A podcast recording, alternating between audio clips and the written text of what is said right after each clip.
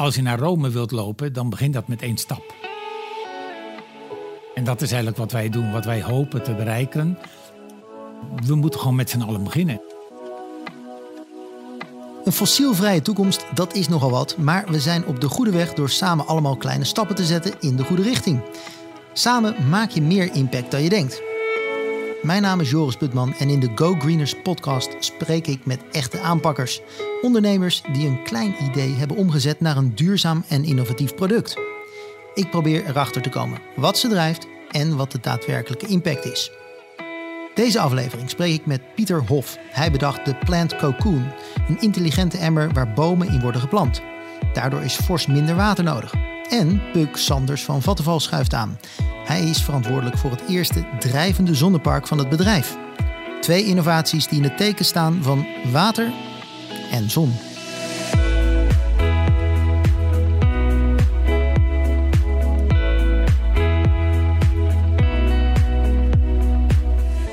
Hey, welkom.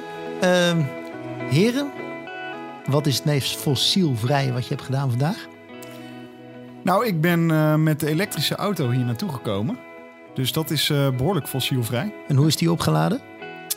Um, ja, wel op het uh, elektriciteitsnetwerk. En ik weet niet uh, precies uh, in Utrecht wat de verhouding dan is tussen grijze en groene stroom. Ja, lastig hè? Um, ik weet wel dat ik zelf in ieder geval zonnepanelen op mijn dak heb liggen. dus ik hoop dat die in ieder geval een bijdrage hebben geleverd aan het opladen van mijn elektrische auto. Pieter. Ja, ik heb, ben vanochtend vroeg begonnen. Ik heb keihard gewerkt aan de verdere ontwikkeling van een uh, intelligente emmer die wij Growbox noemen. Maar die wordt gemaakt van oud papier. Dus uh, we denken dat dat een hele mooie ontwikkeling is. Want als je die gebruikt om bomen te planten, dan wordt die emmer afgebroken door de bacteriën. Dus jij bent met je werk bezig geweest. Ik en ben... daarmee was je fossielvrij. Correct, ja. ja. Oké, okay, als we even naar fossielvrij in een wat bredere context kijken. Wat betekent wat betekent een fossielvrije toekomst voor jou? Wat betekenen die woorden? Nou, fossielvrij betekent dat ik hoop dat zo spoedig mogelijk uh, en ook dat het uh, voor 2050 lukt, wat onze overheden graag willen, dat we geen fossiele brandstoffen meer nodig hebben om uh, zeg maar energie te produceren. Maar voor mij gaat het nog een stapje verder. Ik hoop eigenlijk ook dat we daarbij maken dat als we nog wel fossiele brandstoffen gebruiken voor die delen waar het moeilijk wordt, luchtvaart, scheepvaart, chemische bedrijven, uh, staalconcerns, dat we, dat, dat we die CO2-productie uit de lucht halen door middel van bomen. Zodat we eigenlijk in plaats van een verhoging van de CO2-concentratie in de atmosfeer al voor 2050 naar een verlaging van CO2-concentratie in de atmosfeer gaan. Want dat is eigenlijk nodig om klimaatverandering te voorkomen. Puk, hoe denk jij daarover? Überhaupt eventjes over een fossiele toekomst. Wat betekent dat? Uh, wat het uh, voor, um, voor mij uh, persoonlijk betekent, is dat we um, op alle mogelijke manieren proberen om zoveel mogelijk CO2-uitstoot um, te, te, verminderen. Het liefst naar 0%, 0 natuurlijk. Sterker nog, ik denk dat als we dat op een slimme manier doen, dat we er juist voor kunnen zorgen dat we al onze acties die we als mensen ondernemen, in onze manier van werken, in onze manier van leven, in onze uh, manier van energie consumeren, dat we er juist voor kunnen zorgen dat dat een positieve bijdrage gaat leveren aan uh, natuur, ecologie, biodiversiteit. Ja, nou mooi gezegd. En volgens mij zit ik hier aan tafel met twee mensen die aan de slag gaan en zijn. Ook alle twee uh, persoonlijk gedreven om een bijdrage te leveren aan die fossielvrije en duurzamere toekomst. Pieter, jij bent daar, nou, hoeveel jaar geleden heb jij, heb jij het roer omgegooid? Dat je, dat je besloot van oké, uh, nu ga ik wat doen wat echt bijdraagt aan zo'n duurzame toekomst? Nou, ik werd eigenlijk getriggerd doordat ik bij een klant kwam die een vuurgevecht had met zijn buurman over water. En daar werd ik, je kan eigenlijk wel zeggen, ik werd er wakker van. Toen dacht ik, dit, dit moet veranderen. Die buurman en die man, die waren beide bloemenproducenten. En ik zat in de bloemenhandel. En toen heb ik gedacht, ik ga mijn bedrijf verkopen en ik ga me wijden aan het vinden van een oplossing om efficiënter met het water om te gaan in de agrarische sector. En uh, ja, dan kom je uiteindelijk ook bij bomen terecht en bij gedegradeerde grond en dergelijke. Waarom zijn bomen juist nu zo belangrijk om te planten? Op de aarde is in de afgelopen duizend jaar ongeveer 2 miljard hectare grond gedegradeerd gemaakt. Dus dat was Wat betekent gedegradeerd? Dat was ooit vruchtbaar, Maar door verkeerde methodes, dus zeg maar overkap en vervolgens overgrazen, is die grond onder invloed van de zon verstoft. Dus het zijn dus eigenlijk door de mens veroorzaakte woestijnen. Dan moet je denken aan Noord-Afrika, het westen van de Verenigde Staten en dat soort gebieden. En dat hout is dan gebruikt voor de mijnbouw en voor treinrails, voor huizenbouw, scheepvaart. En er was altijd de gedachte van er zijn meer dan voldoende bomen. Maar ja, wij kappen op dit moment met een snelheid van 2,5 voetbalveld per seconde. En uh, ja, dat gaat gewoon te hard. Dus dat kan de natuur niet bijbenen. Dus toen, wij moeten dat eigenlijk andersom draaien. We moeten zorgen dat er meer geld verdiend kan worden aan het planten van bomen dan aan het kappen. En dan hoop ik dat op die manier er uiteindelijk meer dan 2,5 voetbalveld per seconde wordt geplant in plaats van gekapt. Zodat we de, eigenlijk dat evenwicht wat er ooit was weer herstellen. Dat is het doel. En wat is de oplossing? Wat heb jij bedacht? Nou, door die waterschaarste die ik toen zag, heb ik geleerd dat uh, irrigatie met druppelslangetjes, dat zijn nou kleine slangetjes over de grond liggen, dan kleine druppeltjes geven aan de bomen om te planten, dat is geen oplossing. Op zich is dat heel efficiënt, maar als je dat met 2 miljard hectare doet, is binnen 50 jaar al het water op aarde op. Waarom is dat? Omdat de, dat water wordt uit uh, oude voorraden water weggehaald, dus uh, een kilometer diep uit de grond. En dat noemen ze aquifers. Maar die raken op een gegeven moment leeg, omdat die vol moeten regenen. Maar je doet het juist in gebieden waar geen regen is. Dus toen heb ik een oplossing bedacht, waardoor je er een intelligente emmer uh, voor gebruikt. Die ervoor zorgt dat je 90% minder water verbruikt dan dat je doet met druppelbevloeiing. En daarmee kun je dan bomen planten en dus die gedegradeerde grond weer vruchtbaar maken. Kun je mij, kijk, we hebben geen beelden tot onze beschikking, maar kun je mij eens schetsen hoe zo'n emmer eruit ziet? Uh, de Growbox heet die volgens mij, toch? Ja. Ja. Uh, zo, je moet je voorstellen een donut, maar dan gemaakt van papier in dit geval. In het, hoe, hoe, groot is die? die is ongeveer 40 bij 40 centimeter diameter. En in het midden zit een gat van ongeveer 10 centimeter diameter. Die donut zet je in de grond. In het midden daarvan planten we een boom. En dan vullen we die donut met water. Wat er dan gebeurt is, die boom die weet vanuit zijn, ja, je zou kunnen zeggen instinct, ik moet de grond in om water te vinden daarom heeft hij een wortelgestel. Wat er gebeurt als jij te veel water geeft, en dat doe je met druppelbevloeiing, dan gaan de wortels niet omlaag, maar dan gaan ze omhoog naar die slangetjes. Wat wij eigenlijk met deze intelligente emmer doen, is dat wij net voldoende geven dat hij niet doodgaat, maar niet voldoende dat hij kan groeien. En dan denkt die boom, ja ho ho, ik ga dood, ik moet water zoeken. Ik moet naar beneden. Juist. Met mijn wortels. Dat is ongelooflijk, dan groeien die wortels 1 centimeter per dag. En na één jaar zitten ze meer dan drie meter diep. En bijna overal op aarde zit op drie meter diepte vocht. In het ene gebied natuurlijk meer dan het andere. In, in Nederland meer vocht dan in het Midden-Oosten. Maar ik heb bijna nooit een plek gezien waar geen vocht zit op drie meter diepte. Dus wat wij, wat wij, jouw boksen die worden over de hele wereld inmiddels gebruikt, toch? Ook in de meest afgelegen, droge, dorre landschappen. Ja, wij planten eigenlijk overal. We zitten al in 43 landen. Ja. Had jij uh, al van de box gehoord, Puk? Nee, nog niet. Nog niet. Uh, maar ik vind het uh, fascinerend. En het doet me heel erg denken aan een initiatief wat ik ook heb gehoord. dat heet geloof ik Just, Just Dig It. Waarbij ze ook met ja, het, het, het, afgraven van, van, van grondwater proberen te besparen. En zo um, ja, opgedroogde planten en bomen weer nieuw leven proberen in te uh, blazen. Dus um, ja, ik ben, ik ben heel benieuwd naar, uh, naar de verdere details. Uh. Pieter, ja, Pieter, ken je Just Dig It? Ja, ik ken ze heel goed. Het zijn vrienden van ons. Kijk. En kijk, wij zijn, onze uitvinding is nodig in die gebieden waar gewoon te kort natuurlijk water is om die boom naar dat grondwater te helpen. Just Dig It is dan actief in gebieden die ook heel droog zijn, maar waar al wel voldoende regen is, zodat je zonder onze technologie kan planten. Technologie kost altijd geld. Ja. Dus hoe goedkoper je dat kan doen, hoe beter het is. Dus we zijn eigenlijk beide bezig met hetzelfde doel. En ik moet, als je, als je gewoon kijkt op het internet, zie je dat er op dit moment al tienduizenden mensen bezig zijn met de planten van bomen in de wereld.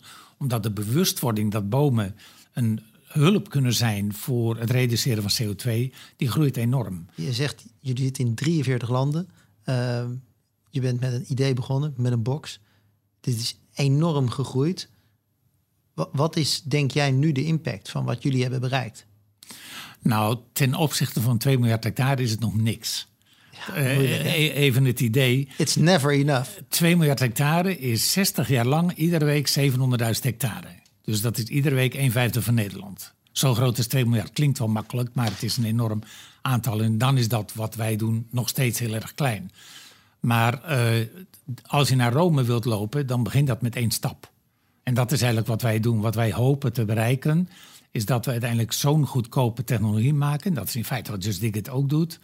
Uh, we moeten gewoon met z'n allen beginnen. En dat is wat jullie doen met zonnepanelen. Het begint met het eerste drijvende project. En uiteindelijk hoop ik, hopen jullie natuurlijk dat je nog 100 projecten krijgt. Ja, inderdaad. En ik ben ook wel benieuwd, uh, Pieter, je geeft aan, hè, we zijn in 43 verschillende landen actief. Hoe werken jullie dan samen met lokale gemeenschappen? Wij hebben, uh, we doen alles digitaal, want anders wordt de kostprijs te hoog. En dan, uh, we zijn een start-up, dus dat kunnen we niet financieren. En je hebt eigenlijk wereldwijd al dat bewustzijn van... ik wil zorgen dat het goed komt met mijn land. En dan nodigen we mensen uit om distributeur te worden. Dat kost ze geen geld. En dan sluiten we met, met hen een contract. En dan gaan zij lokaal in hun eigen markt... worden ze actief om deze boxen te verkopen. We noemen dat boxen, waterbox of growbox. En, uh, maar ook wat wij ze altijd vragen, waarop we heel erg focussen, is dat we met name hun ministeries uh, benaderen. Omdat als je echt grootschalig wilt werken, moet je eigenlijk kunnen samenwerken met een overheid. Ja, Pieter, nog heel even over die box. Je vertelde net dat een boom binnen een jaar drie meter diep groeit in zo'n box. Uh, dat is dan een kleine boom. Ja. Um, dan heeft hij de box niet meer nodig? Klopt. Wat gebeurt er dan met de box na een jaar? Nou, we hebben ook twee soorten boxen. We hebben één box die is gemaakt van polypropyleen, plastic. Die kun je tien jaar hergebruiken. Die nemen wij na tien jaar weer in. Het productiejaartal staat onder op de box. Dat is eigenlijk de goedkoopste methode, omdat je namelijk geen tien keer transport hebt van die box. Dus meestal zitten we dan bij boerenfamilies, die planten daar fruitbomen mee. Na één jaar is de fruitboom zelfstandig. Die halen die box eraf, die haalt hem gewoon omhoog en ze planten een nieuwe. Bij de papieren box moet je natuurlijk ieder jaar een box erheen brengen. Want die box die breekt af door de bacteriën. Dus uh, je hebt bij uh, de plastic box CO2-productie vanwege het produceren van de box. Maar bij de papieren box heb je CO2-productie omdat je tien keer meer transport hebt. Dus je zit altijd met dat evenwicht te stoeien. En dan gaat het natuurlijk om wat de lokale gebruiker het beste vindt. Tot slot nog even, voor de mensen die uh, zitten te luisteren... die denken, nou, ik wil ook wel een uh, appelboom planten in mijn achtertuin hier in Nederland. Uh, kan je ze ook een growbox aanbevelen van jullie? Of is dat niet voor Nederland? het is een rekensom. Als je bosplantsoen plant, dat zijn boompjes van een kwartje... dan ga je geen box omheen doen van 2 euro. Want als dat boompje doodgaat, plant je gewoon een nieuw. Of je plant er gewoon twee en als er één doodgaat, heb je er nog één. Zo'n box kost in Nederland 2 euro? Ja, maar als jij. Duur. Nee, wij proberen ook echt die tree solutions, zoals wij dat noemen, te bereiken. Dus dat mensen allemaal gaan planten. Maar een appelboom of een, een fruitboom, of bijvoorbeeld in, het, uh, in de binnensteden, grote bomen voor uh, aankleding van de wijken, die kosten vaak uh, 30, 40, 50, 60, 100 euro. Als hij dan doodgaat, kost het erg veel geld. Dus in zo'n geval is zelfs in Nederland onze technologie erg interessant. Oké, okay, nou dankjewel Pieter. Uh, we nemen nog even geen afscheid, want we gaan uh, naar Pukse verhaal. Jij werkt vanuit Vattenval aan uh, het eerste drijvende zonnepark van het bedrijf. Hoe is dit project ontstaan? Ja, bij een bestaande klant van Vattenval, een zandwinbedrijf, daar was een energiebehoefte. Een energiebehoefte die, verduurzaam, die ze wilden verduurzamen. Um, en um, ja, omdat bij dat bedrijf een, een, een zand zandwinwaterplas. Zandwinwaterplas. Ja, het is echt voor, uh, voor uh, Scrabble dit. Um, al uh, aanwezig was, zagen we dus kansen voor een drijvend zonnepark. Daar zijn jullie op ingesprongen. Nee, daar zijn jullie ingedoken.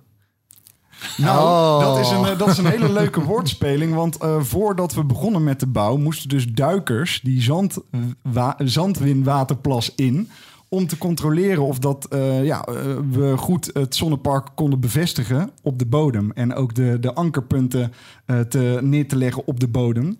dus ja, we, in die zin is Vattenval letterlijk inderdaad erin gedoken. Ja. Was het een sprong in de diepe? God, en nou houden we op ja. hoor. Maar het, was een, ja, het was echt een vernieuwend project. Ook voor Vattenval in Nederland. Ja, absoluut. absoluut ja. Wat is jouw rol eigenlijk in het project? Ben jij techneut? Of ben je, wat doe je? Um, ik uh, werk als uh, omgevingsmanager. Dus dat betekent dat um, wanneer wij uh, zo'n project ontwikkelen, Ehm, ik kijk wat de effecten van zo'n eh, project zijn op de omgeving. En ehm, of dat er mensen in de buurt van het project wonen. Om ja, hun te betrekken bij de keuzes die we maken in het ontwerp bijvoorbeeld van zo'n van zo'n project. En ervoor zorgen dat wij hun vragen op een goede manier beantwoorden. en dus ook om te kijken of dat we door keuzes die we maken in het project ervoor kunnen zorgen ja, dat we um, een positieve impact hebben op bijvoorbeeld de natuur. Want, uh, dus want, dat... we, want, je hebt geen negatieve impact op de natuur, zeg ik dan even. Um, nou, dat, dat, uh, dat klopt inderdaad. Uh, dus um, um, het is wel zo dat drijvende zonneparken is een, een nieuwe techniek. niet alleen voor vattenval, maar überhaupt binnen de zon, zonmarkt. Dus veel langjarige onderzoeken naar het effect van dit soort projecten ja, op bijvoorbeeld planten in het water. Uh, die gegevens die zijn er nog niet, maar dat is wel uh, wat wij continu monitoren en ja, ook bijsturen waar, waar nodig, maatregelen opnemen als, ja, als dat nodig is. Ja, ik kan me ook voorstellen dat je dat meeneemt in een keus om nog veel meer van dat soort zonnepanelenparken op water aan te leggen. Omdat je misschien nog niet helemaal weet wat de impact is op lange termijn. Precies, en dat is ook precies de reden waarom we met een relatief klein project zijn uh, begonnen. Uh, want naast zonneparken op water um, uh, bouwt Vattenfall al langer uh, zonneparken op land en op daken. Um, en dat zijn zeker op land vaak wat, wat, wat grotere projecten. Dat is echt wel meestal projecten van ongeveer een oppervlak van minimaal 10 hectare. Uh, dus dat is echt een stuk groter dan dit project. Uh, dus we beginnen daarom met een relatief klein project. Um, en um, nou ja, uh, dit ziet er nu zo veelbelovend uit dat we ook kijken of dat we dat op een nog grotere schaal kunnen ontwikkelen. Ja. Nou is dit project ontstaan vanuit een vraag van jullie klant. Die zaten toevallig bij water. Die hadden toevallig ook een grote waterplas. Heeft het ook voordelen om op water zonnepanelen te installeren? Ja, er zijn eigenlijk drie belangrijke voordelen. Het eerste voordeel is um, het besparen van land. Nederland is een, een intensief bewoond land. Uh, er is weinig ruimte. Um, wat we wel veel in Nederland hebben is water. Uh, dus als je uh, zonnepanelen op water plaatst, dan bespaar je daarmee ruimte elders. Uh, dus dat, is, dat is het eerste voordeel. Tweede voordeel is dat uh, zonnepanelen op water meer stroom produceren dan um, zonnepanelen op dak of op, op land. Um, wat je ziet is dat de, het water eigenlijk een, een koelende werking heeft op de zonnepanelen, waardoor dat die efficiënter gaan produceren. En um, de, het water reflecteert ook um, uh, zonnestralen uh, extra op de panelen. Waardoor dat je 2 tot 10 procent meer stroom produceert dan um, een gemiddeld zon op dak project. En het derde voordeel van zonnepark op water neerleggen is dat je daarmee verdamping van water voorkomt. Extra verdamping van water. Zo'n project als dit, dat zal een flinke investering met zich meebrengen. Waarom stapt Vattenfall daarin? Nou, we hebben een duidelijke missie: fossielvrij leven binnen één generatie. Daarvoor is het nodig uh, dat we op een uh, manier energie gaan produceren uh, die geen CO2 uitstoot. dus we hebben heel veel duurzame vormen van energie nodig, zoals zonne-energie, windenergie. Um, en een zonnepark op water past binnen die missie en die acties. Zo'n project op water opzetten, dat lijkt me dat dat veel investering kost, ook omdat het deels nog onbekend is. Uh, waarom kiezen jullie daar dan toch voor om daarin te stappen? Nou, omdat uh, we uh, de potentie ervan inzien. En omdat we ook geloven dat je die, die, energietransitie vormgeeft door af en toe ook nieuwe dingen uit te proberen en te kijken of het werkt. En dan vervolgens, als het werkt, het op te schalen. Of als het niet werkt, ervan te leren en daar onze bestaande projecten beter van te maken. Dat gaat een beetje de kant op waar jij mee bezig bent, Pieter. Zou dat wat zijn om met zonnepanelen nog iets van schaduw te creëren in die hele droge gebieden waar jij uh, werkt om bomen te planten? Nou, we zijn wel vorig uitgenodigd uh, in Spanje, waar men ook met een groot uh, project bezig is, om laagblijvende struiken te gebruiken om stof te voorkomen. Omdat de productie van zonnepanelen achteruit gaat, altijd veel stof op komt te leggen. En ik denk dat dat project wel gerealiseerd gaat worden. En natuurlijk helpt het ook om enigszins af te koelen, maar je kan geen hoge bomen zetten. Die geven natuurlijk schaduw. Maar hier is de doelstelling duidelijk uh, voorkom stofstormen. Oké, dus als ik dat goed heb, dan is dat in Spanje. dus een heel droog gebied. Ja. Daar hebben ze nu zonnepanelen staan. Nou, die, die gaan ze planten. Het, kijk, die gaan ze neerzetten. Daar, in Andalusië, dus de grond is daar niet zo duur. Hier heb je natuurlijk ook die hectareprijs. Ja. Maar daar is grond is goedkoper. Dus dan gaan ze de panelen wat ruimer uit elkaar zetten. En dan planten we tussen iedere rij panelen struiken die nooit hoger worden dan een meter. En daardoor blijft het koeler? Veel koeler. Ook onder de panelen, waardoor die panelen het weer beter gaan doen. Ja, nou ook. Maar de belangrijkste reden is, je hebt geen stof. hebt Want eigenlijk onder die panelen komt een soort van tocht. En die uh, veroorzaakt dat onder die panelen dat het ook, ook zeg maar, een soort van uh, ja, degradeert, de grond. Je krijgt erosie en dan krijg je stofstormen. En hiermee uh, maak je uit de grond beter dan die oorspronkelijk was. Nou, Puk, dat zal je bij een rivier ook wat minder hebben, stof op je panelen. ja, nou ja, aan de andere kant, het water zit er gewoon onder. Klopt inderdaad. Uh, en uh, tegelijkertijd is het ook zo dat het in Nederland natuurlijk best wel af en toe uh, regent. Ja. En dat spoelt het stof ook weer van de panelen af. Ja, dus... dat heb je sowieso. Dus in Nederland niet echt een stofprobleem op je zonnepanelen. klopt inderdaad, ja. Puk, wat betekent het voor jou persoonlijk om aan zo'n project te werken? Ja, ik vind het echt heel erg gaaf en, en inspirerend. Um, ik ben uh, echt bij Vattenfall gaan werken vanwege de missie. Uh, fossielvrij leven binnen één generatie mogelijk maken. Daar wil ik gewoon heel graag een bijdrage aan leveren. En um, om CO2 te besparen um, moet je op een andere manier duurzame energie gaan produceren dan uh, via kolen en, en gas bijvoorbeeld. dus dat betekent dat je gewoon veel moet investeren in zonne-energie. Um, en uh, windenergie en andere vormen van energie. En um, ja, door zo'n aan zo'n project te werken, kun je ja, daar eigenlijk bijna geen directere bijdrage aan, uh, aan leveren. Aan, uh, ja, aan, aan, wat er gewoon nodig is, maatschappelijk gezien. Ja. Dus jij gaat iedere dag met een smile naar huis. Ja, het is wel fijn. Naar je werk. Ja, inderdaad. Nou, uh, absoluut. Uh, en het is wel uh, heel fijn dat je iedere dag inderdaad opstaat en weet... ik ga vandaag echt iets zinvols, iets betekenisvols doen. Ja. Puk, wat zijn voorbeelden van grote uitdagingen die je bent tegengekomen bij dit project? Nou, um, wat natuurlijk altijd een belangrijke uitdaging is bij het ontwikkelen van, ja, van nieuwe grote duurzame energieprojecten. Ik wil heel eventjes voor de luisteraar vertellen dat Puk nu in één keer een heel stuk serieuzer kijkt. ja, nou ja, je vraagt het over uitdagingen. En ja, ga, uitdagingen ga ik graag aan, maar meestal begint dat wel eventjes met je ergens zorgen over maken en er dan vervolgens naar handelen om het op te lossen. Uh, maar een van de grote uitdagingen bij uh, duurzame energieprojecten is netcapaciteit. Uh, er is in Nederland, ehm, niet overal in Nederland, genoeg uh, netcapaciteit om uh, nieuwe zonneparken en nieuwe windparken op aan te sluiten. En daarom zijn we zo blij dat we dit project hebben kunnen bouwen met uh, het, het, een lokaal bedrijf dat ook direct de stroom afneemt. dus dit... Dan hoef je het niet te vervoeren naar de andere kant van het land. Precies, precies, precies. Um, dit project levert gewoon direct stroom aan de zuiginstallaties van dit bedrijf. Uh, dus dan hoef je het niet aan te sluiten op, uh, ja, op, uh, op een groot centraal netwerk om het naar de andere kant van Nederland te transporteren. Ja. Zijn jullie al zover dat we nu kunnen verwachten dat we op meer plekken in Nederland drijvende zonneparken gaan zien? Ja, ik denk dat het zeker een, een, een, ontwikkeling is, een beweging is. niet alleen vanuit Vattenfall, maar gewoon vanuit de hele markt. Um, dus uh, ja, ik, ik, denk dat, uh, en, en dat hoop ik ook gewoon persoonlijk, dat dit uh, um, ja, de eerste stap is na nog vele stappen die gaan volgen op het gebied van drijvende zonneparken bouwen. Ja. ja. Zou je ook mensen, particulieren, die water hebben toevallig, of bedrijven die water hebben, willen aanbevelen om, om, om dat eens te verkennen, om zonnepanelen op het water te leggen? Of is dat nog niet zo ver?